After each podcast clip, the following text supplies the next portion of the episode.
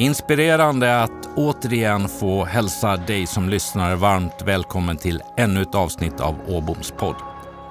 Det är så roligt, och det har jag sagt så många gånger, men det är så roligt inspirerande att få sätta sig i den här härliga poddstudion och veta att mitt emot mig så sitter det en intressant gäst och veta att jag får dela med mig av ett samtal som kommer att vara under en dryg timme till er och inte minst till mig själv. Och det brinner jag för och det är en riktig kick att eh, de dagar jag har möjlighet att sätta av att få komma till poddstudion att få göra det här. Så välkommen till dig som lyssnare. Välkommen till dig för, som är här för första gången och lyssnar. Men naturligtvis välkommen till er som har varit med tidigare. Och som ni vet så samarbetet med Butikstrender fortsätter. Ni kan läsa en del om vad som händer på podden på butikstrender.se. Idag, som alltid, sitter det en trevlig, positiv, glad och eh, en spännande person framför mig. En person som jag har mött och jag tror att det är cirka 30 år sedan vi första gången sågs. Dagens gäst är född i Dalarna men bor i Stockholm idag. När jag plockar ur karriären på denna person så ser jag marknadschef för något som på den tiden hette SSH Svensk Servicehandel försäljningschef och marknadschef på Dagab Mellansverige, ett företag inom Axfood-koncernen. Varit VD för D&D Närhandel som idag är en del av Axfood också och grundade det som ni ser idag av Tempokedjan. Chef för Gröna Konsum, varit marknadsdirektör för Coop, varit VD och medgrundare till matföretaget Go, VD för Life Europe, VD för Blomsterboda diverse styrelseuppdrag, bland annat ett väldigt eh, intressant uppdrag, eller hur, när vi träffades i SGFs, alltså Svenska Golfförbundets affärsråd tillsammans. Och sedan juni 2020 så är min gäst ny VD för Ritzo Group och med det så säger jag Lars Finns otroligt välkommen och kul att se dig. Stort tack! Jätteroligt att få vara här, eller otroligt kul som man säger som dalkar. Ja, just det. Och man hör ju att eh, dalmålet finns ju kvar. Det har det alltid funnits lite grann, eller hur? Ja, men det gör det. det jag tror att, eh, jag, jag, kan ju dessutom prata eh, dialekt, va? Men, det, men det brukar jag bara göra när jag är eh, när jag pratar med mor och far där hemma i, i Dala-Järna. Eh, eller när jag springer ihop med Gunde Svan. Vi känner ju varandra sedan må, många år. Så att, då blir det? Då blir det, då blir det Järnamål. Ja. Men... Det kan vara möjligt eh, Lars, att vi kommer tillbaka lite grann till Dalarna och lite intressen och så vidare. Det ska jag inte hålla för osannolikt att vi gör. Den här podden, Lars, är en ledarskapspodd. Det är en podd om kommunikation, det är en podd om drivkrafter, där jag har förmånen att få träffa väldigt många intressanta ledare på olika sätt. De är entreprenörer, kan vara det, bolagsledare, börsbolag och så vidare. Och sitta ner under den här dryga timmen och samtala om deras resa i livet. Och det är ju något som jag brinner för att vi ska kunna dela med oss av att mina lyssnare hittar lite axplock här och där som vi kan hjälpa dem i den resan. Så det var den här podden handlar om. Så svårare än så är det inte, Lars. Och då, och då tänkte jag så här inledningsvis, utöver den här spännande karriärresan som du har fram till där du är idag. Vi kommer säkert in, för Ritzo Grupp vet jag ju när du klev in, det var ju inget självspelande piano, en stor omställning och, och det är covid, det är retail och så vidare. och så vidare. Det är ett noterat bolag. Du ska få berätta lite om det sen också Lars, men eh, kan vi inte börja med att du delar med dig lite mer om vem är Lars Fintz? Ja, 55-årig som sagt eh, dalkarl dalkar från eh, Västerdalarna, Dalarna. Uppväxt i enkla förhållanden med min mor och far som bor kvar där hemma i, i byarna i ett arbetarhem. Eh, stor bakgrund under hela min uppväxt med idrott. Allehanda eh, bollsporter med hockey och fotboll, tennis. Ja, det mesta av livet var idrott. Enda vägen in i att jag helt plötsligt eh, insåg väl att jag skulle hålla på med någonting annat än att, än att hålla på med bollsporter. Så eh, ramlade jag in på Dagab uppe i Borlänge eh, som sommarjobbande 1985. Och det blev någon form av start på en eh, resa då som, ja egentligen inte alls fanns i någon eh, given plan eller annat. Så att eh, jag tillhör de här som, som saknar alla former av, av eh, poäng, det vill säga framförallt då akademiska poäng har jag ju inga alls eh, och trodde väl under många år kanske att eh, ja, jag får väl nöja mig med att jag får ett, ett, eh, ett jobb och får ihop till eh, husrum och, och mat. Eh, men insåg att eh, det gick att utvecklas och, och få göra då en eh, massa roliga saker och känner mig otroligt privilegierad då som har fått eh, jobba egentligen hela tiden med uppdrag och, och sysslor som har varit fantastiskt roliga. Jag har alltid haft roligt på jobbet. Eh, och det, det, det, förstår jag att det är verkligen ett privilegium att eh, det har varit kul hela, hela vägen egentligen. Men är det inte så Lars att om du inte har haft kul så har du sett till att det har blivit kul? För du, den bilden jag har av dig, och jag tänker just nu, när träffades vi? Jo, jag började på Daga 92, någonstans där 92, 93 träffades vi då. Ja. Och det har ju aldrig suttit fast för dig att, att våga så att säga utmana eller tänka nytt eller gå lite utanför boxen kan vi väl också säga så här. Nej men det, det, har du, det är ju roligt att du, du säger det. Jag har ju eh, tror jag eh, varit eh, den jag är under hela resans gång. Jag har egentligen hämtat kraften och, och energin kanske från, från idrotten och sen har jag haft en, en, en drivkraft att jag gör mitt bästa jobb när det är roligt och kan jag få mina eh, medarbetare och, och, och, vänner eller kamrater runt omkring mig att också du som känner att det, det är kul då, då blir det oftast ett ganska bra resultat. Så att eh, så visst är det så att jag har försökt i alla fall att eh, hålla den positiva sidan i, i så stor utsträckning som möjligt. Går man in på din LinkedIn-sida, då står det så här, erfaren inom retail och FMCG med mångårig ledarskap och styrelsekompetens drivande i affärsutveckling och förnyelse av konsumentnära produkter och tjänster som bidrar till ökad bekvämlighet. Mm. Stor passion för idrott och byggande av team. Mm.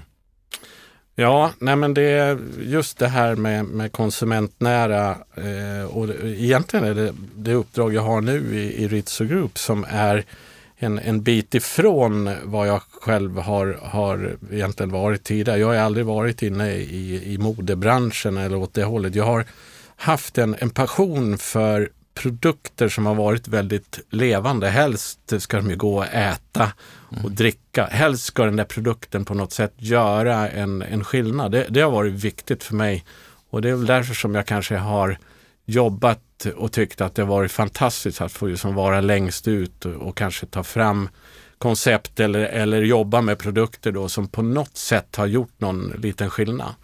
Eh, bekvämlighetsaspekten, ja den kommer egentligen från det du inledde med då svensk servicehandel och, och servicehandelsbiten för att någonstans så hade jag mina eh, tio första år hade jag i convenience-aspekten eh, och bekvämlighetsbitar och om det är någonting jag ska dela med mig i, i känslan nu va, så, så kan man ju titta utifrån, ska man investera pengar i något idag så ska man ju i, i väldigt hög utsträckning tror jag titta på om det finns bekvämlighetsaspekter med i den verksamhet som man ju som eh, vill investera pengar i. För att det är otroligt mycket som handlar om bekvämlighet. Vi blir ju mer och mer lata och bekväma i alla dess former. Och, eh, jag har väl på något sätt alltid haft en, en passion för att försöka få göra något som kan jag sälja eller ta fram något som gör att det blir enklare eller generera någon form av nytta. Då. Mm. Så att eh, det har funnits med. Det har funnits med. Jag hittade en, eh, ett medieklipp. Sa ju själv din ålder, 55 år. Här står det veteranen ska rädda krisbolaget. Lars Finns kliver in som vd då för det som nu är, då är Ritzo Group. Mm. Eh, ja, tänkte jag, wow, den där fin, fin titel har jag aldrig fått. Veteranen ska rädda eh, och så vidare. Mm. Eh, men det var väl, jag tror att det var, jag hade ju en gäst här som heter Stefan Sjöstrand, som du känner också då, vd på Skistar. Jag tror att mm. efteråt var han Perola, Mat, Perola vad heter han, på Malaco-tiden.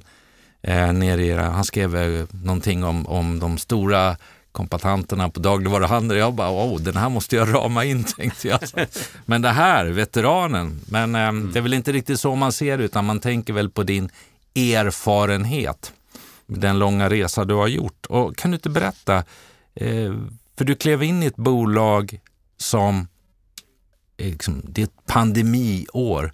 Det är ett bolag som är i rekonstruktion. Det är en detaljhandelsmarknad som står och gungar i Sverige. Vad, hur ser det ja, ut? Nej, men det, man kan väl säga så här att, att eh, eh, när jag eh, tackade ja till uppdraget så kände vi inte till eh, pandemin. Ja, det, det, det fanns något som hade hänt i, i, i Kina, men det fanns ju som ingen eh, eh, som kunde förutspå naturligtvis att det skulle eh, bli vad det sen blev nu då. Och eh, så klart de flesta när jag sen när det här blev officiellt, jag tackade ja ganska tidigt på, på året och sen började jag första juni och det blev inte officiellt förrän eh, första juni och det är klart då trodde de flesta att eh, att jag hade slagit, äh, jag måste ha slagit huvudet i något va, som går in i, i ett liknande då upp, uppdrag då eftersom våran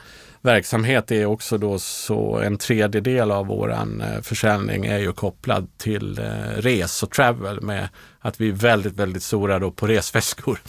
Eh, så man kan väl säga att eh, det här har varit eh, och är i, i särklass det, det svåraste uppdraget jag någonsin gett mig på. Jag har ju själv sagt att jag kan kreativt sett klara mig rätt bra med saker. Jag kan hitta jag är en problemlösare, jag är duktig på att hitta vägar tror jag och säger väl lite karskt att ja, nej, men jag, jag kan nog faktiskt få fart på det mesta om jag får eh, ta med mig rätt kamrater så tror jag att vi tillsammans många gånger kan få, få fart på det mesta.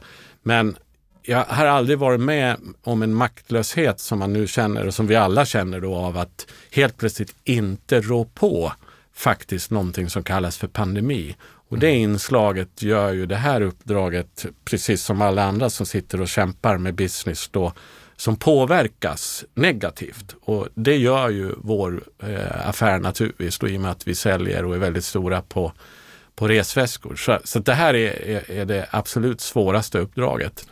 Eh, trots det då så har vi hittat lösningar och vägar med tack vare återigen otroligt duktiga medarbetare med en massa kompetens och, och jag har ju haft förmånen egentligen under hela min resa att få jobba med väldigt, väldigt bra eh, människor. Jag har alltid fått jobba med det lag som finns på plats.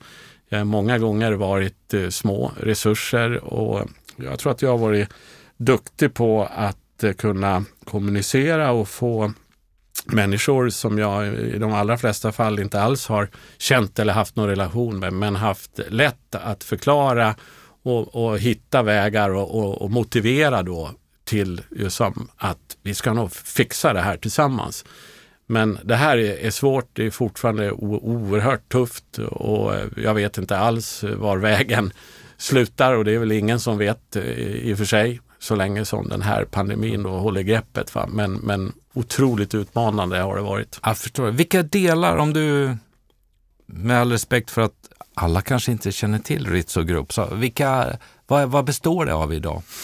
Ja, Ritzo Group är, är accentbutiker i Sverige som är mest kända för att uh, ha sålt uh, väskor. I Norge har vi ett koncept som heter Morris och som är då i särklass störst i, i Norge på att också då sälja framförallt resväskor och väskor. Vi har eh, Ritzo eh, skobutiker och så har vi en väldigt stor verksamhet då med skor och accessoarer då på NK i, i Stockholm och eh, i Göteborg.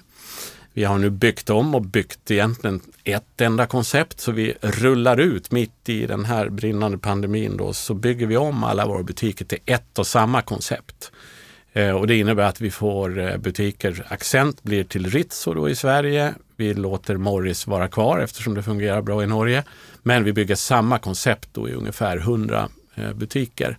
Så det är det som formar nu då ett koncept som innehåller inte bara väskor eller skor utan nu har vi både väskor, skor, vi plockar in lite klockor, smycken. Ja, egentligen allt det där du kan bära på dig som inte är kläder. Eh, och med en ambition att egentligen bygga då ett, ett livsstilskoncept och försöka eh, göra då den här verksamheten som har haft tufft i, i många år och göra den helt enkelt lönsam. Och det har vi lyckats komma egentligen då i, igenom eh, den första fasen i och med att vi var i rekonstruktion och när jag började och eh, vi har fått till en ny emission och precis när vi fick den på plats så kom den här våg två då utav eh, pandemin. Så att det är klart att vi, vi sitter kvar med en, en det är alltid tufft mm. eh, först med rekonstruktion. Det är alltid tufft efter rekonstruktion.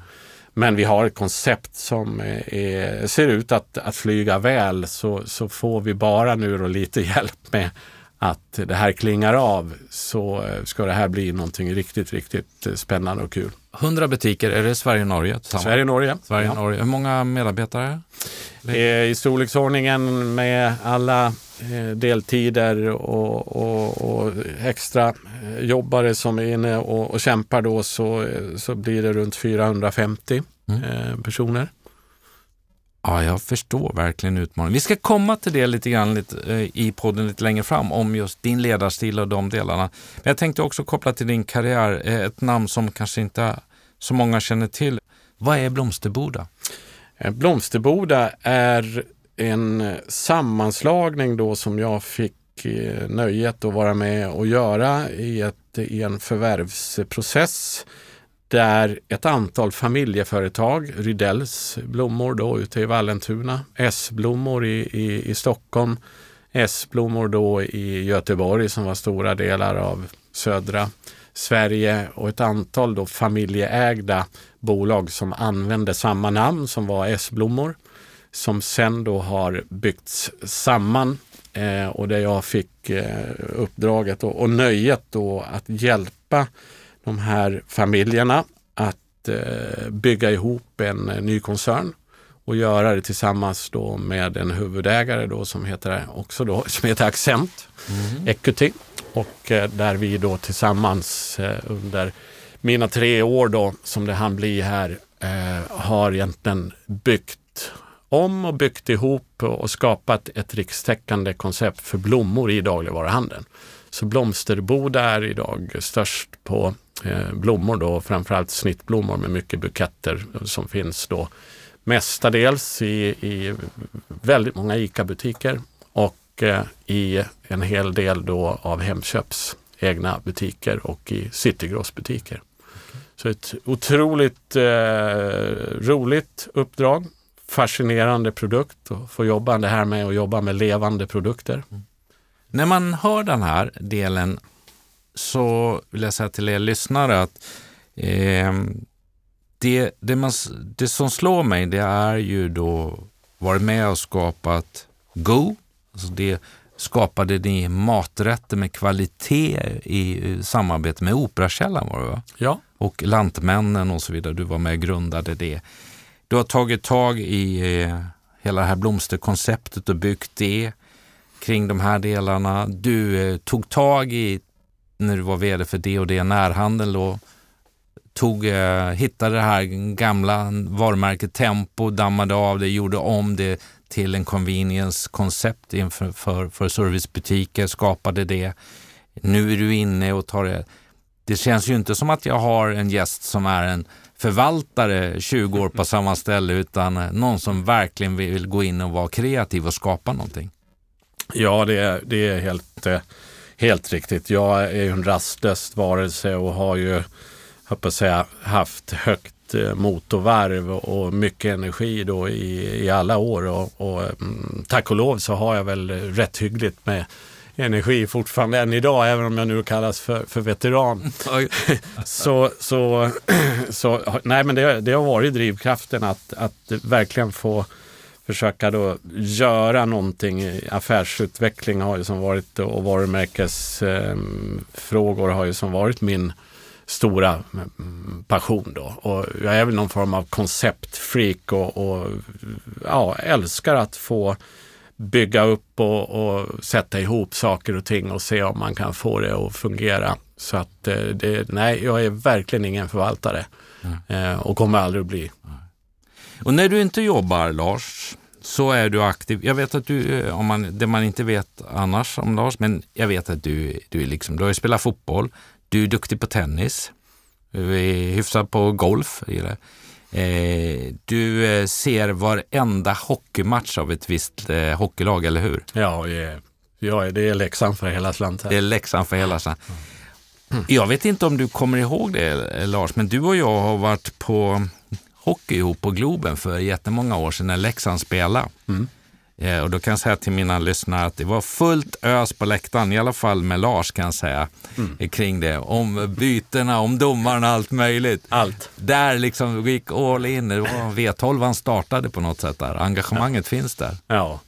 Ja, nej, eh, hockeylaget eh, har vi på något sätt blivit, eh, när man själv då inte kan Eh, idrotta. Jag skulle förvisso göra det gärna lag, lagmässigt fortfarande också, men det blir ju så när man har ett eh, favoritlag och man hamnar på, på läktaren eller här, alltså det att leva ut den här idrottsliga kampen och matchen, den eh, tycker jag är otroligt härlig. De som har mött mig i i, i, olika sporter vet ju också att eh, jag är fullständigt eh, hopplös att ha att göra med utifrån att eh, tävlingshornen finns där ju som så eh, både det ena och det andra kan hända om jag är i farten på en, på en, på en tennisbana eller en fotbollsplan. Det är många som har fått erfara det.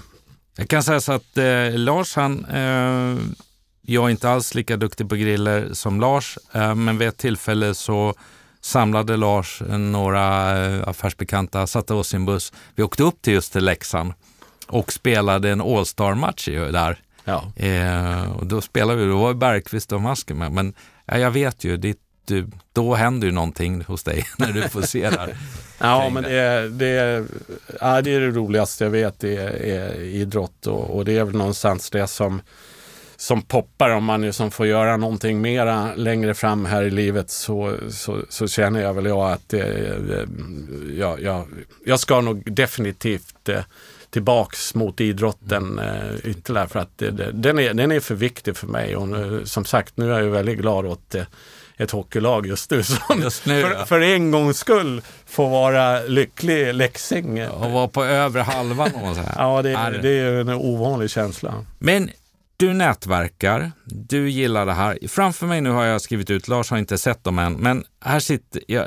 För övrigt kan jag säga, han kommer in, han är väldigt avspänd. Eh, även om man får en bild av den här eh, dynamiska, framåtlutade bolagsledaren och så vidare. Så avspänd, sitter ner, skjorta, tröja och så vidare. Här har jag hittat en bild. Du ser ut som värsta finanskillen eh, här då. Där. Ja. Men jag har också hittat en bild på golfbanan. Ja.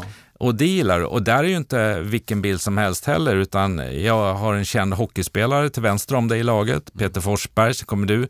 Sen har vi Håkan Lundstedt som är mm. vd på Synsam Group. Mm. Och sen har vi prins Daniel. Och eh, 2013 spelade ni Victoria Golf ihop. Mm. Så det, alltså sport och idrott och nätverkande, det Ja, nej men det, det är väl så när man har haft förmånen att få eh, jobba med så många olika saker då. Det är klart att jag, jag var jag var ju som 21 år eh, när jag drog igång. Jag var, jag var 24 år när jag fick mitt första jobb i en, ett, en företagsledning.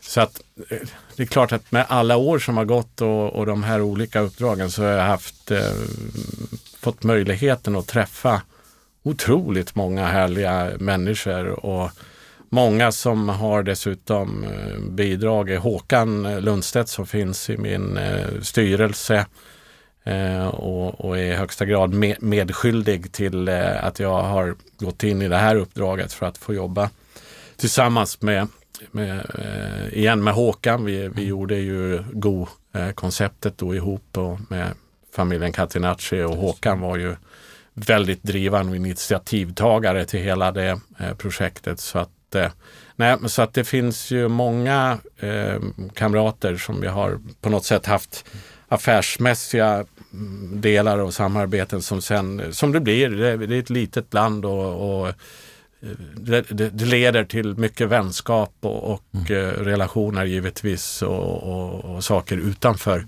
för jobbet då. Så att det blir en livsstil. Jag ska ställa en fråga som jag skulle vilja att du utvecklar kring ditt ledarskap. Men innan då, vi, vi vänder bort den här bilden, och så här, men ändå, så här off record, det är ingen som hör oss just nu, det är bara du och jag på poddstudion. Vem hade bäst sving av er fyra? Eh, ja, det eh, vill jag påstå att det är eh, prins Daniel som är en väldigt duktig golfspelare. Mm.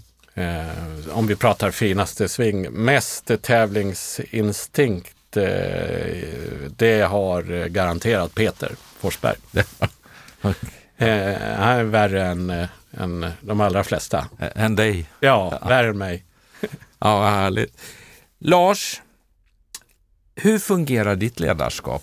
Om vi, om vi bortsett från att du är bolagsledare men, och allt som ska göras i debit och kredit och nytt koncept och så vidare. Om vi pratar på ledarskapet, hur, hur är du som ledare med ditt team? Hur når du ut till dem som inte bara är ditt närmsta team utan de övriga? Hur funkar du? I, I, normala sammanhang då när världen och eh, samhället ser ut som, som ja, det som tidigare i alla fall var normalt så bygger det ju väldigt mycket på att jag har, i och med att jag kommer ur enkla eh, förhållanden uppe där i, i Västerdalarna och haft eh, en, en fötterna på, på jorden så, så jag är, är ju van att jobba väldigt eh, öppet, transparent med att vara ute i verksamhet och har alltid tyckt att det varit väldigt roligt att vara ute i, i, i butikerna och, och, och, träffa medarbetare eller om de har funnits i, i logistik eller lagersammanhang så har jag alltid eh, tyckt att eh, varje medarbetare är lika viktig för mig för jag vet eh, att eh, varje person i en verksamhet eh, har en väldigt viktig roll och ju fler jag kan träffa, ju fler jag kan motivera, ju fler jag faktiskt kan informera och prata direkt till, desto större chans och sannolikhet att vi lyckas. Jag har många gånger, framförallt tidigare i, i livet, fått eh, faktiskt kritik för att jag kanske har varit för öppen. Jag har sagt för mycket. Jag vet inte om du känner till den själv utifrån det här med att man ju som, ja men ska du verkligen, det där, var det bra att du sa sådär mm. eller ska du verkligen gå ut med det där. Det upplever jag att det fick man ju som lite grann på fingrarna och kunde få sig en rejäl smäll om vi har gått tillbaka 20 år i tiden. Ja. Medan idag det, så finns faktiskt inte den aspekten kvar. Nu är vi ett börsbolag och, och då tyvärr i den aspekten så kommer det faktiskt tillbaks den känslan då. För jag kan inte riktigt säga eller göra lika öppet som jag normalt sett har gjort i andra. Så det är skillnad. Det är egentligen den enda skillnaden när det gäller ett, ett börsnoterat bolag. Så att jag känner igen det lite nu att eh, jag har min CFO Anders som ju som, nej men Lars, nej säg inte det där nu för då måste vi pressmeddela. Det blir inget bra. Utan eh, vi får eh, bita ihop och, och, och, och det, det är faktiskt kanske det den, den, den svåraste skillnaden för mig som gärna vill vara öppen. Då. Så jag vill väldigt gärna träffa, prata, involvera så många som möjligt. Jag tycker verkligen inte om det här med att eh, det var en liten grupp som ska känna till en viss sak och sen är det hemligt. Det, det, är faktiskt det värsta jag vet. Nej. Utan jag tycker att ska du få folk att vilja vara med och förändra och utveckla, då måste du också eh, låta alla får veta så mycket som möjligt. Ja. Och Det tycker jag är otroligt viktigt och en lärdom jag har. Ju fler som vet, desto bättre. Och ju mer de vet, ju större faktiskt sannolikhet att, att de faktiskt vill vara med och hjälpa till. Så att det ser jag är, det, det går igen ett mönster. Och jag har nästan aldrig blivit sviken när jag har sagt att okej, okay, nu är det här viktigt i när jag berättar det här så får vi hålla det i företaget, hålla det i gruppen. Jag har faktiskt, jag kan inte hitta en enda gång jag har blivit sviken på att någon har gått ut och sagt något eller gjort något som har ställt till det. Men det bygger, eller bygger rättare sagt, ja, eh, men det visar ju då det förtroendet som man känner för dig som ledare. När man som medarbetare får ta del av det. Ja, men jag tror det och det, känner jag. Jag kan inte speciellt många saker men jag, jag är rätt duktig på att kommunicera mm. och eh, förmodligen är det också det som gör att eh, det går att motivera ens medarbetare om man bjuder på ja, tala om så, så, så mycket man kan om det vi ser framför oss vi ska göra och det, det är ju ganska logiskt tycker jag. Mm. Vet du vad Lars, nu ska vi göra någonting som eh, inte tillhör vanligheterna i Åboms podd. Och för er lyssnare ska jag säga, eh, vi ska ringa upp en, eh, en entreprenör som är god vän till mig. Han heter Thomas. Han vet om att jag ska ringa kan jag säga, så det är inte något elakt så. Eh, historien är att han fyllde jämnt och eh, förra året så när jag fick möjlighet att träffa honom då, ändå en kort och göra det, då fick han en present av mig. Och det var att förbereda några frågor att ställa till någon gäst och vara med live. Och det är här i podden därför att han är en av mina trogna fan. Han ringde efter första podden och sa Åbom, du måste fortsätta med det. här.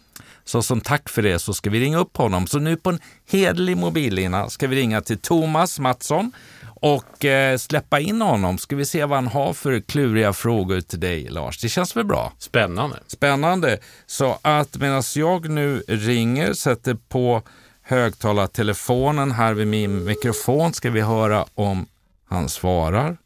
Jag sitter väl och fikar. De här. Ja, men vad trevligt Thomas Mattsson. Visst var det? Välkommen till Åboms podd. Ja, men vad trevligt. Härligt. Jag är ju en stor fan. Ja, jag har faktiskt berättat det och jag har berättat att det här är en liten eh, födelsedagspresent att vara med live, Thomas. Ja, ja det är så. Ja, på andra sidan bordet här i studion nu så sitter dagens gäst Lars Finns som är VD för Ritzo Group. Och eh, han är en sann entreprenör i sitt sätt att vara, även om han då har varit VD för lite större organisationer och så vidare. Men han har skapat väldigt mycket nytt. Och Thomas, du är ju en sann entreprenör för du driver tillsammans med din bror en eh, verksamhet, eller hur? Ja, flera ja. stycken faktiskt. Flera stycken. Ni ja. gör bland annat Ja, men det här är ju ingen reklampodd, så kan man ju säga, eller vi är inte SVT något. Så det är Sveriges bästa sängar, eller hur? Visst är det så. Ja. Thomas, eh, och du... äldsta.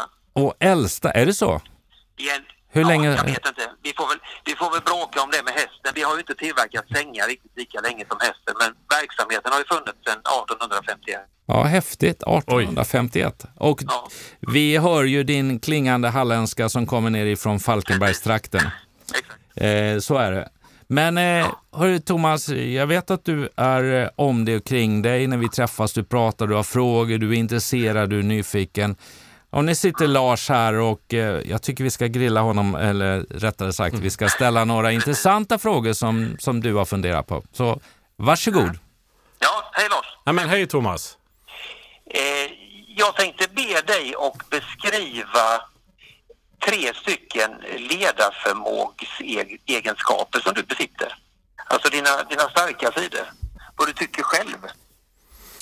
Ja, eh, jag tror kanske att förmågan att, att eh, visa väldigt tydligt att jag tror på det som vi eh, ska göra eller håller på med, det vill säga mitt eh, engagemang eh, för det uppdrag som jag går in i. Jag kan aldrig fuska där.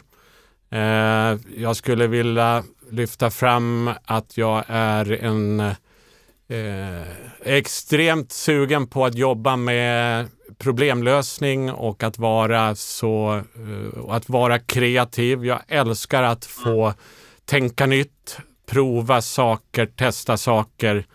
Eh, och ska jag säga någonting mera då så är jag uh, tjurigt envis i att få de där sakerna. Jag kan ju som inte riktigt släppa saker förrän de blir genomförda. Så att jag tror att jag, jag är ganska, jag är ganska duktig på att gör, få, få saker och ting att eh, genomföras. Ja, ja, ja. Åh, jag blir lite avundsjuk. eh, har, har, inte, har inte du samma? just det där med problemlösningen så får man väl gå och be om lite hjälp emellanåt, men eh, det gör du säkert också. Ja, men absolut. Oftast kommer jag kanske med en idé, men sen har jag ju medarbetare. Ja. Jag, det, det häftiga med, med människor när man samarbetar och jobbar med folk, det är ju att om man sår ett litet frö själv så får man ju hjälp sen av massor av människor i sin närhet och så vidareutveckla. Och det, det är ju det som bygger oftast framgång, att eh, man kanske har en grundidé, sen har man sina kamrater med och, och utvecklar den där idén. Mm, mm, mm. Ja, mm. fantastiskt bra svar. Eh, imponerande. Ja, tack. Jag har en fråga till här. Eh, en lite konstig fråga kanske. Jag vet inte. Du får, eh, kan du berätta om någon situation från dina senaste uppdrag där du i ett svårt läge har gått in och tagit ett stort ansvar och styrt upp problemet eller vad det nu kan ha varit som behöver ändras på?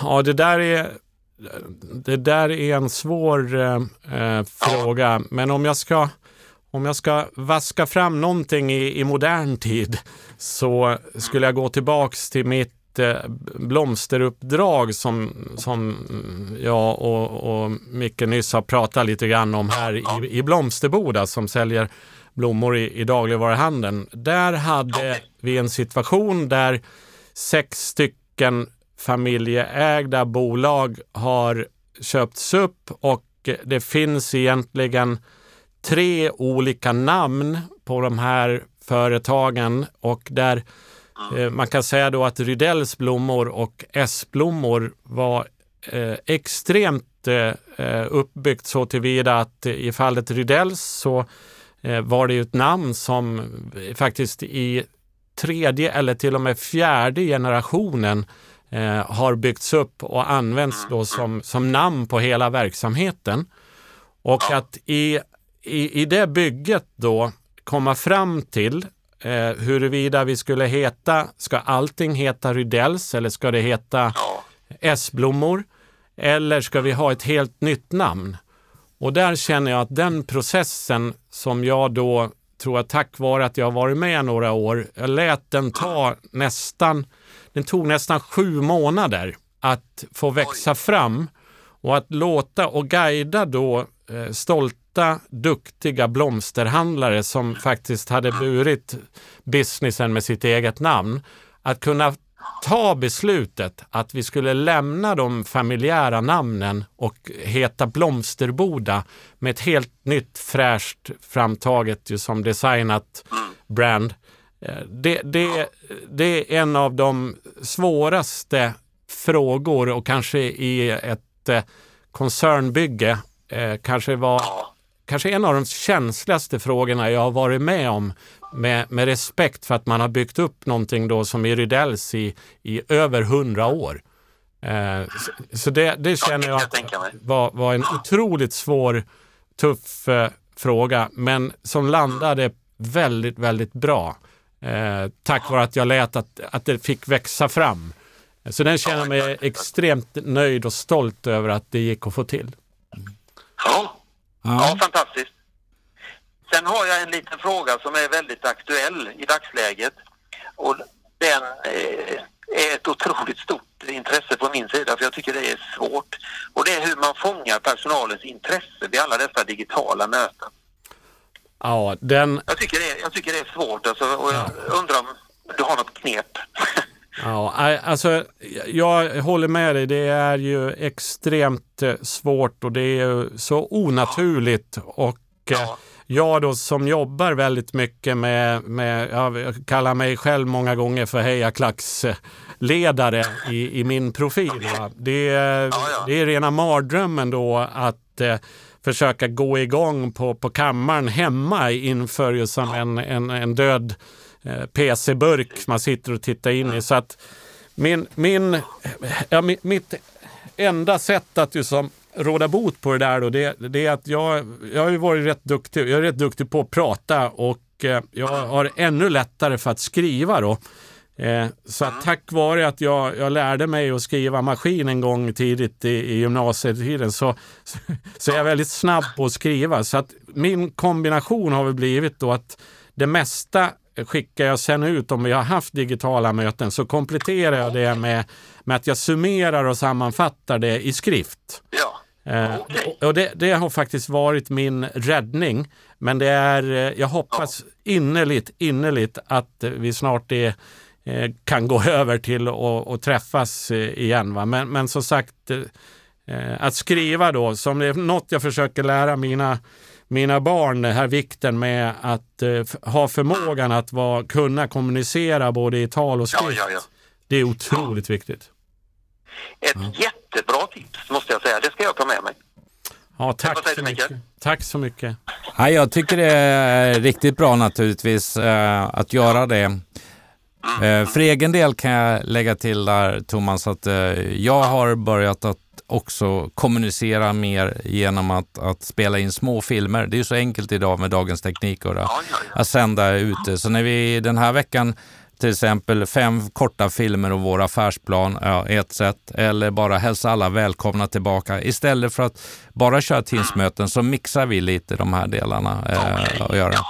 Ja, det är helt rätt. Ja, faktiskt. Och jag tror att det är att, att vara synlig som eh, ledare idag är viktigt. Det kan man vara på Teamsmöte, men eh, det, det går inte bara att skriva på, på intranäten och lägga ut eller skicka mejl. Och därför har, har eh, jag ska inte säga att jag älskar att vara med på bild och filmas. Det gör jag inte. Det har varit en resa för mig. Men jag, jag vet inte hur många filmer jag har spelat in och lagt ut faktiskt. Ja, och det är helt, Okej. Det är det är rätt. helt rätt och riktigt. Och, och vi, Ja, vi, ja. det, det är absolut eh, den bästa, ska jag väl säga då, att det, det är ännu bättre än att eh, skicka ut och skriva. Men just kombon med kanske, om man nu kör digitalt och att man behöver addera till någonting mera också. Det, det räcker inte med bara Teamsmöten, det kan man väl enkelt säga. Nej, nej. Nej, det gör det inte. Thomas, Yes. Vad härligt att få Jättetrevligt ha med dig live i eh, Åboms podd med, eh, vid dagens. Jag eh, hoppas nu att du kommer att lyssna på det här avsnittet också. Ja, det vet jag. Och, sen, eh, och det, du kommer ju inte vara helt opartisk när du ger beröm över det här avsnittet, eller hur? Nej, det blir svårt. Ja, det blir svårt. det här avsnittet. Ja, kul Thomas, tack snälla. Eh, Tack. var rädd om mycket, dig, ta hand Tack om själv. familjen, hälsa hem till Helene och sköt om dig. Ja, Lyck, lycka till, Ha det så gott. lycka till. tack. Tack så mycket. Hej då. Hej då. Ja, men det är ju fantastiskt. Då lyckades vi. Skapade vi något och han fick med sig någonting, Lars. Ja, ja. ja Schysst, bra. härligt. Ja, det där är en härlig eh, kille eh, som jobbar seriöst och hårt med sin verksamhet. Så Det är väl härligt att vi kan bidra på det sättet. Mm, verkligen. Kommunikation då. Vi fortsätter på det temat, Lars. Eh, för innan vi, när vi tog kaffe och värmde upp lite grann så berättade du just om det här med skriva och så vidare. Men i, i din roll som bolagsledare, hur, vikt, hur stor del, om du tittar på skillnader, för du pratade om det här med med eh, att vara öppen som ledare, att det har verkligen ändrat sig på 20 års resa på något sätt. Hur kan du se att det här med att kommunicera har ändrat sig också för din del? Hur mycket mer spenderar du till exempel på att kommunicera idag? Ja, det har ju, eh, inte minst naturligtvis under den här perioden då, så har det ju blivit helt eh, avgörande och jag har nog aldrig skrivit eh, så mycket då och, och, det, och det är ju en balansgång också utifrån att eh, kommunikationsaspekten är ju, lärde mig eh, tidigt i livet, det här med att vi, vi, vi består av en del människor kan ju, kan ju se och ta in saker väldigt lätt genom att höra. En del behöver både höra och, och, eh, och läsa. Det var väl så PowerPoint-tekniken. Eh, varför den är, är mest vanlig i sammanhanget. Och en del behöver ju till och med nästan till att man pratar one by one. Eh, väldigt nära tydligt. Så att vi, vi är ju någon form av individer som, som lite grann tar in information på olika sätt.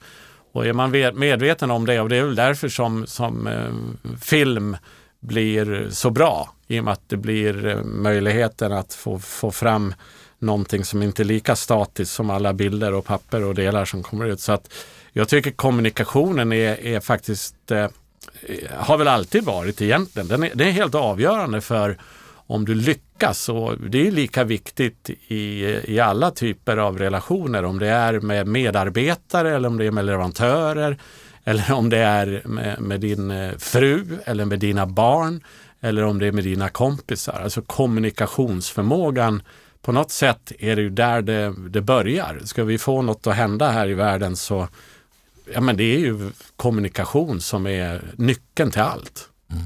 Konkret, har du liksom, det här är mina ett eller två eller tre konkreta bästa tips. Ett har vi fått in just i dessa tider. Det du kör på Teams paketerar du också i en, en, en text och så ut med det efteråt. Det är ett tips. Har du något fler? Alltså, i, i, i, väldigt stor utsträckning så är ju varje bolag eh, har ju mm, väldigt många likheter så tillvida att det finns ett antal områden eller prioriterade aktiviteter. Och eh, det jag ser behovet av i, i alla sammanhang det är ju att eh, ständigt försöka upprepa och få fram de här sakerna som en verksamhet då ska försöka få på plats. Det vill säga att de där fem sakerna eller de här tre sakerna, att det rullar i någon form av eh, ständig påminnelse då och därför blir det ju den här frågan om om, om att man har ju som eh, färdiga dashboards som, som visar eh, väldigt tydligt ju som, och upprepar såväl i butiken, alltså så fort du slår på din PC så får du upp en första sida som visar lite grann var du befinner dig just nu i din business och vad som är prioriterat de här bitarna. För att det är så många störande moment som finns eh, runt omkring dig idag i och med att du nås av så mycket annan kommunikation och, och del och bit. Va? Så att det är väl ännu viktigare idag att det här budskapet och att du ska prioritera tre saker istället för att försöka dutta med 30 olika bitar. Och det tycker jag att man ju som blir med åren än mer eh, begriper att eh, det går inte att liksom, få alla de där sakerna på plats på, på en gång. Utan, och, och, kan du inte åka ut och visa och prova som du kan nu då, då blir det ju som ännu, ännu viktigare att du får en otrolig tydlighet i vad, vad är det du ska fokusera. Vad är det du ska göra? Vad, vad, kan jag bidra med den här veckan? Om jag är i en butik eller om jag sitter på ett huvudkontor så gäller det att på något sätt bryta ner det här så att det finns någon form av känsla när jag går hem på fredag. Ja, Men jag har faktiskt gjort de där. Jag har haft min mesta av min tid på de där tre sakerna. Och det är ju så man får saker genomförda. Eh, och då gäller det att plocka bort en massa andra störningsmoment och, och, och bitar. Och och därför tar det ju lite tid också innan man liksom får fram vad är det där allra viktigaste. Va? Så att, men kommunikation är fortfarande det svåraste som finns ju. Lars, som en del av eh, att bygga det här som du nu gör, förändringen, resan, sättet som du kommunicerar, så skapar ju du också en eh, ny kultur i Ritzo Group.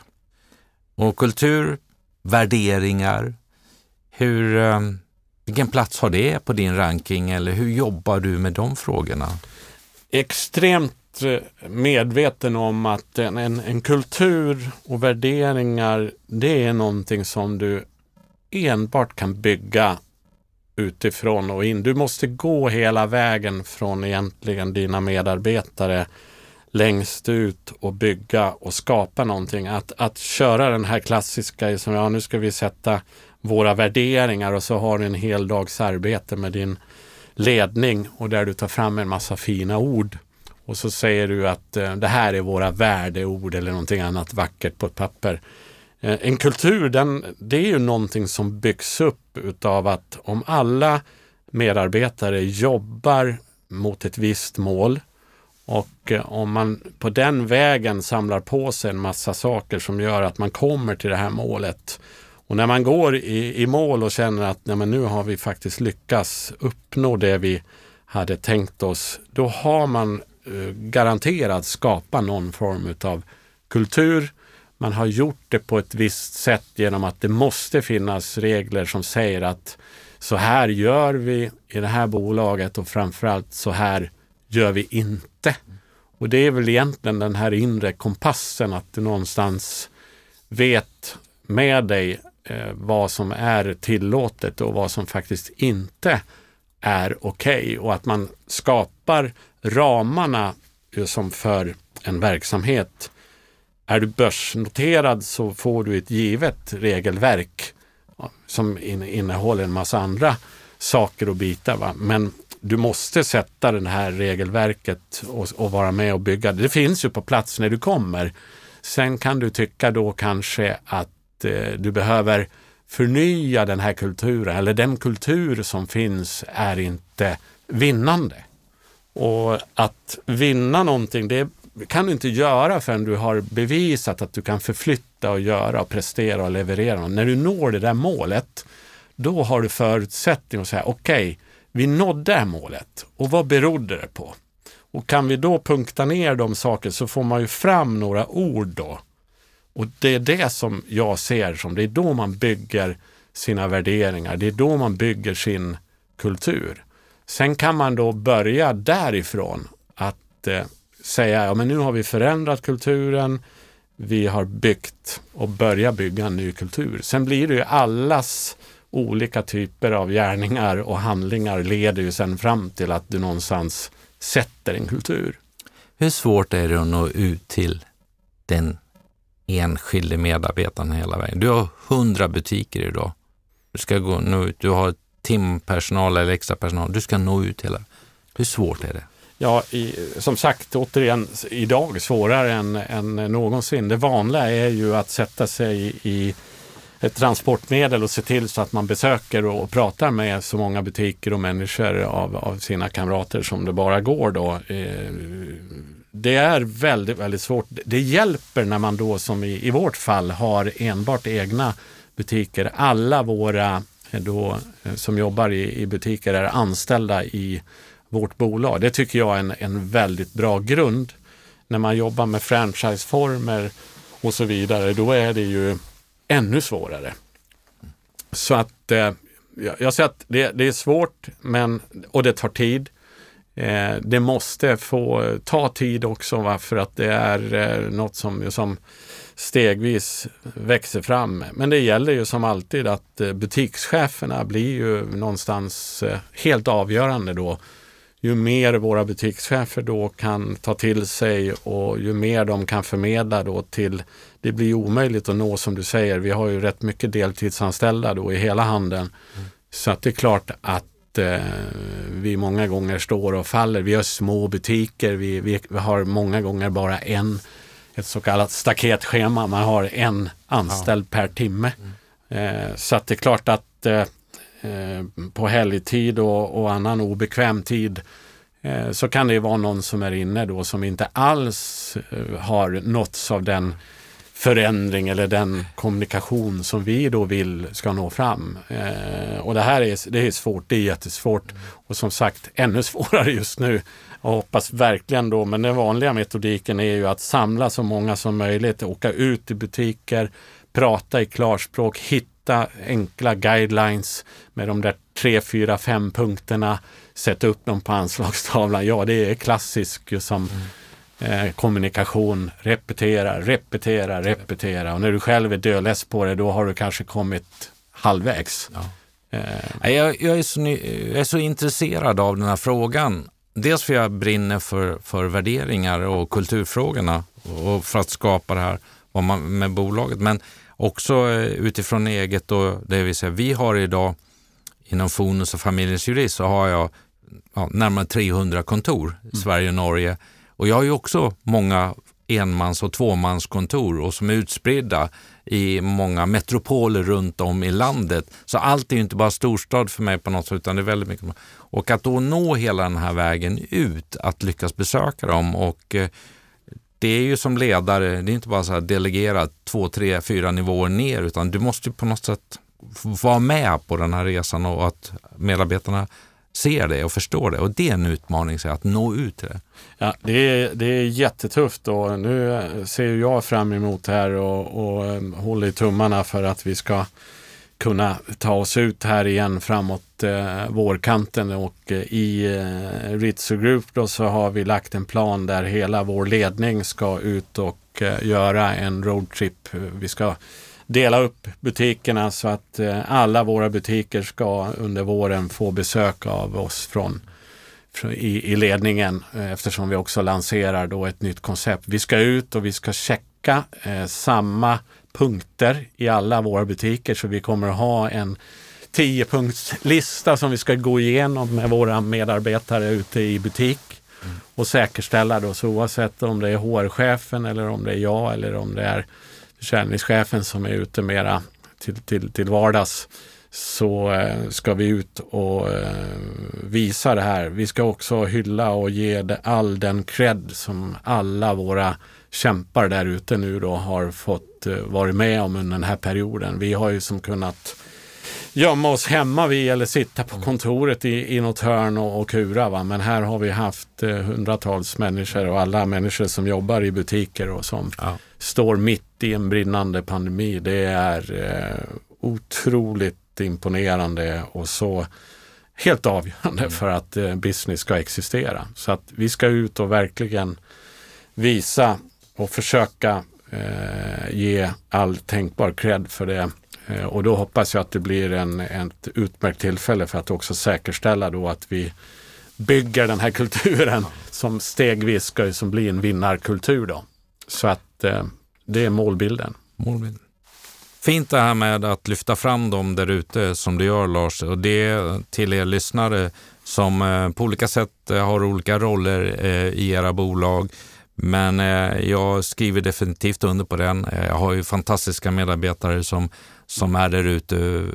Vi har transport och jourverksamhet sju dagar i veckan, men, men butikerna eller våra juristkontor fem dagar i veckan ska träffa kunder och göra det här, få det här att rulla ja. samtidigt som, som, um, som det pågår en pandemi. Det finns fantastiskt många hjältar, om man nu säger det, som ja, har varit viktiga. Helt uh, otroligt. Va? Så att uh, det är, ja, det är hatten av. Ja, det är det.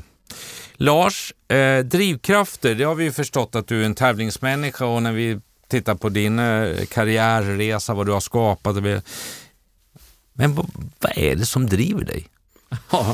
Ja, det, jag har ställt den frågan till mig själv ibland och, och varför man ger sig in och, och tar på sig saker och ting. Men, men, jag tror att det kanske är den här, det är faktiskt den här tävlingsjakten, matchmomentet. Jag, jag kan ju ingenting annat än, än egentligen idrott. Jag har ju ingen, jag, jag, jag, brukar säga det till, till folk när, när jag står eh, inför nya medarbetare. Jag, jag är ledsen men eftersom jag bara kan idrott så kommer jag använda sådana här idrottsbegrepp när jag pratar om, om lag och lagspel och passningar och att göra mål. Och det, det, det är ju bara, jag kan ju bara det.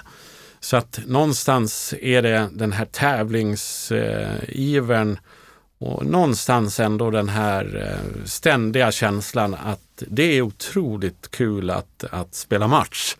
Och att eh, försöka då träna ihop ett lag och forma och bilda och sen gå ut och försöka vinna och göra mål. Och eh, jag tror att den drivkraften då eh, jag är otroligt glad att jag har kvar den och, och, den gnistan och när jag inte har den så då, ja, då skulle jag bli eh, Ja, då skulle jag få, få, få packa ihop helt och hållet. Så att, eh, jag tror att det är den gnistan där som är det roligaste jag vet. Och, och som sagt, eh, det, det är det jag kan.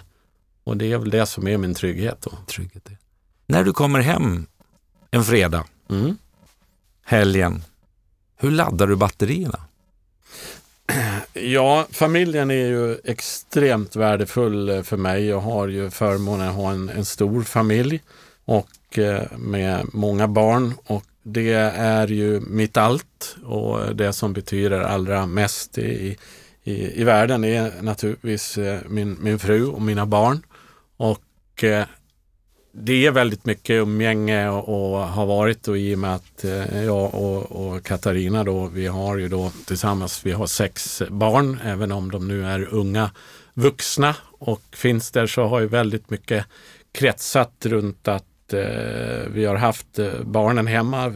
Fyra av dem har fly, flygit ut nu och har sina egna bitar så vi har våra två minsta på på, på hemmaplan eh, så blir det naturligtvis väldigt mycket som har varit runt eh, tonåringar och unga vuxna och eh, diverse aktiviteter och bitar och delar. Och det har varit, tycker jag, en stor avkoppling att få, få samlas runt eh, lägerelden och ha middag ihop med hela gänget. Eh, det har varit eh, och är otroligt värdefullt eh, på det här med att som varva ner. Jag kan på fredagar specifikt kanske så, så är det många gånger eh, jobbigt att eh, på något sätt eh, kunna släppa.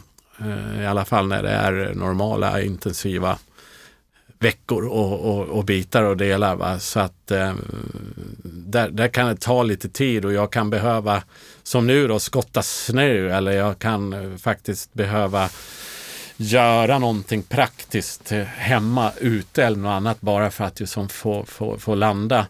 Eh, golfen är ju annars en, en fantastisk eh, avkoppling för det är ju som min, jag har ju också lite ett musikintresse, dessvärre mindre nu då, men annars kunde jag som greppa en gitarr och sätta mig och spela lite gitarr som om jag går tillbaks i, i tiden. Det blir mindre av den, men det, den typen av break är, är ju otroligt sköna att göra. Då. då kan vi ju säga så här då Lars, att om det blir en eh, volym två av eh, podden någon gång, då måste du ta med dig gitarren kan vi säga.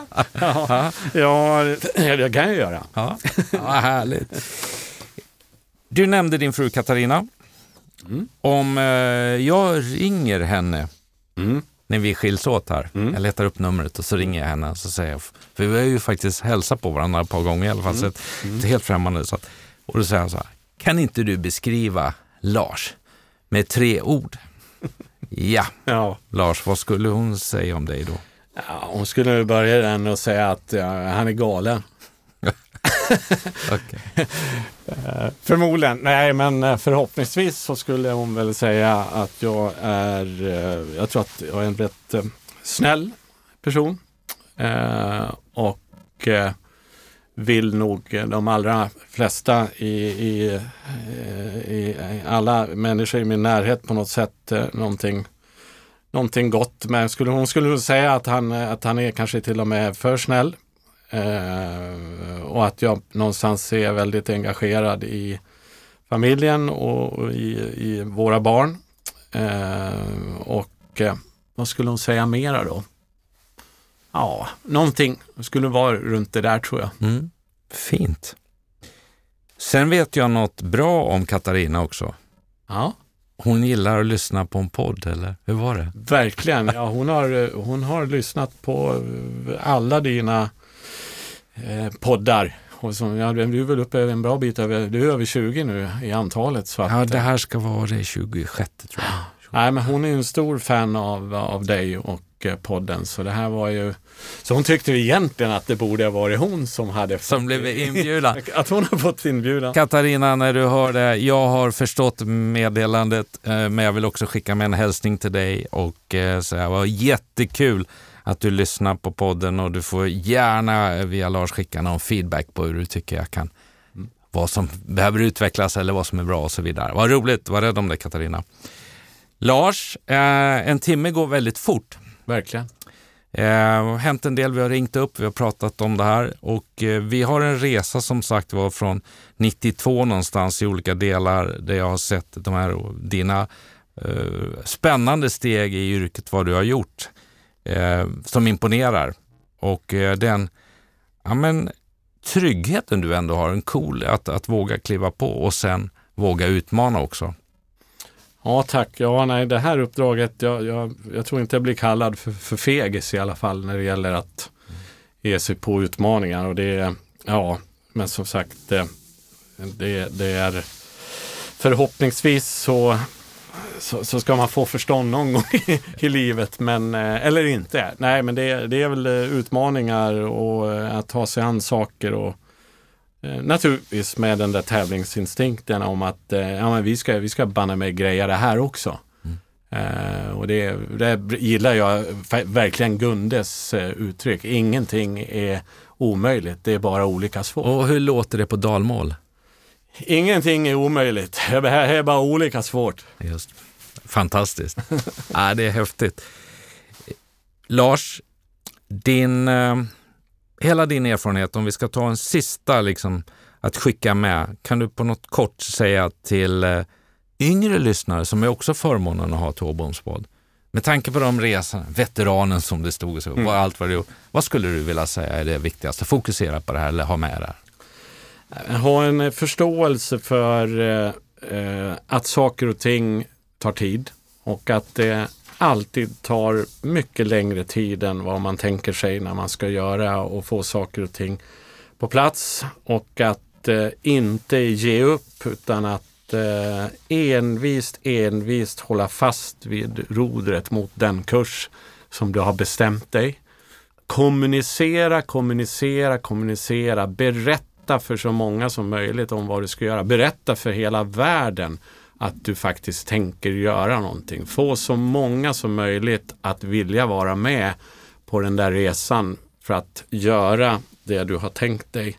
Men att det är envist, kämpa, kämpa, tar tid och så vidare. Det tror jag kanske är den eh, största lärdomen jag har av att jag är, springer gärna snabbt till lösningar och så säger jag men nu gör vi det där och vi provar det där. Eh, och, oftast så inser man ju som att ja, men det, du kan inte göra allt det där på en gång. Eh, men samtidigt går det att göra otroligt mycket på en gång om du faktiskt talar om tydligt och planerar och strukturerar och har lite ordningsmän med dig i närheten. Så, ja, men det går att göra, men det tar längre tid. Eh, och det måste ibland få ta tid. Det är bra ibland att det tar tid. Kära lyssnare, jag har haft förmånen att bjuda in en gäst här i poddstudion till Åboms podd som är född i Dalarna, som eh, älskar idrott. Det är en driven person som också gillar att ha kul. Gillar under karriären att ha jobbat med produkter som gör skillnad. Har också insett att tillföra bekvämlighetstänket i det man erbjuder, det är väldigt bra idag därför vi är lite lata och vill ha enkla lösningar. Klev in som eh, VD för omstart på Ritzo Group i juni förra året då pandemin liksom hade börjat och kommit en bit på väg och ska göra den resa. Älskar att vara ute i verksamheten, det är väldigt viktigt. Och eh, för att lyckas med det då med en kulturresa, då bör man verkligen vara det. Varje medarbetare är lika viktig, sa Lars.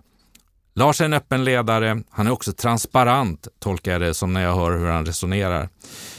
Kommunikation, väldigt viktigt för Lars. Eh, mixar sina olika kanaler för att nå hela vägen. Och det är helt avgörande att jobba med kommunikation. Kommunikation för Lars är också upprepning.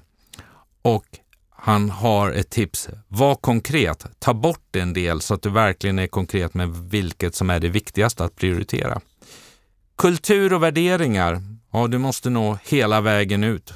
Du måste vara med hela, alla hörn i verksamheten. Var tydlig med att jobba mot ett visst mål. Se till att det finns en inre kompass. Och var tydlig med också att tala om vad beror framgången på och vad kan vi lära oss av det. Det hoppas Lars att han och hans team ska få åka ut till sina 100 butiker och, och 400-500 medarbetare och träffa dem i vår och visa det och gå igenom det. Den ambitionen finns. Skickade med, in, det skulle jag nog säga till oss alla, även om frågan var ställd för de yngre lyssnarna. Saker tar tid. Håll fast vid den utstakade kursen. Kommunicera och kommunicera och berätta för hela världen vad det är du är på väg och vad du tror på, vad du vill göra så att folk är med. Han har en eh, stor drivkraft i sin tävlingsinstinkt från eh, idrotten. Han gillar att spela match och för att lyckas med resultatet där så behöver man sätta ihop teamet och träna. Har förstått att han har en del överskottsenergi på fredagar när han kommer hem och Lars, min garageuppfart är 50 meter, 50 meter lång så det är välkommen att skotta om du vill. Ja, säga. Eh, vi skickade in Thomas Mattsson, en god vän till mig, entreprenör, som, som eh, fick ställa några frågor där du pratade och svarade om att hur viktigt det var med att visa tydlighet. Eh, att du är ex extremt sugen på att vara problemlösare och du är inte rädd för att testa saker och så är du tjurigt envis. Det där är en summering av dagens podd med gästen Lars Finns på andra sidan bordet. Tack så mycket. Superroligt att ha dig här och ja. se dig i, eh, i det här sammanhanget, Lars. Ett nöje. Väldigt kul. Stort tack. Jag önskar dig allt gott jag håller tummarna för det arbete som du nu gör med Ritzo Grupp, att det blir framgångsrikt och att eh, naturligtvis till dig och till alla lyssnare att vi också får se ljuset av den här pandemin. Men eh, som sagt var, lycka till, var rädd om dig. Tack så mycket, detsamma. Mina gäster får avsluta podden med en skön låt. Vad har Lars Finns valt? Det blir min eh, gamla favoritgrupp som jag hade nöjet att se. Eh, ja, det är väl eh, ett år sedan nu. Nej, det är till och med två, ett och ett halvt år sedan jag såg min favoritgrupp Toto som jag åkte och såg en sen tisdagkväll i, i Gävle live. Och eh, då blir det faktiskt den mest kända låten Hold the line. Underbart. Med det så tackar jag dig lyssnare för att du har lyssnat på detta avsnitt av Åboms podd och vi hörs och syns på nytt. Ha det gott!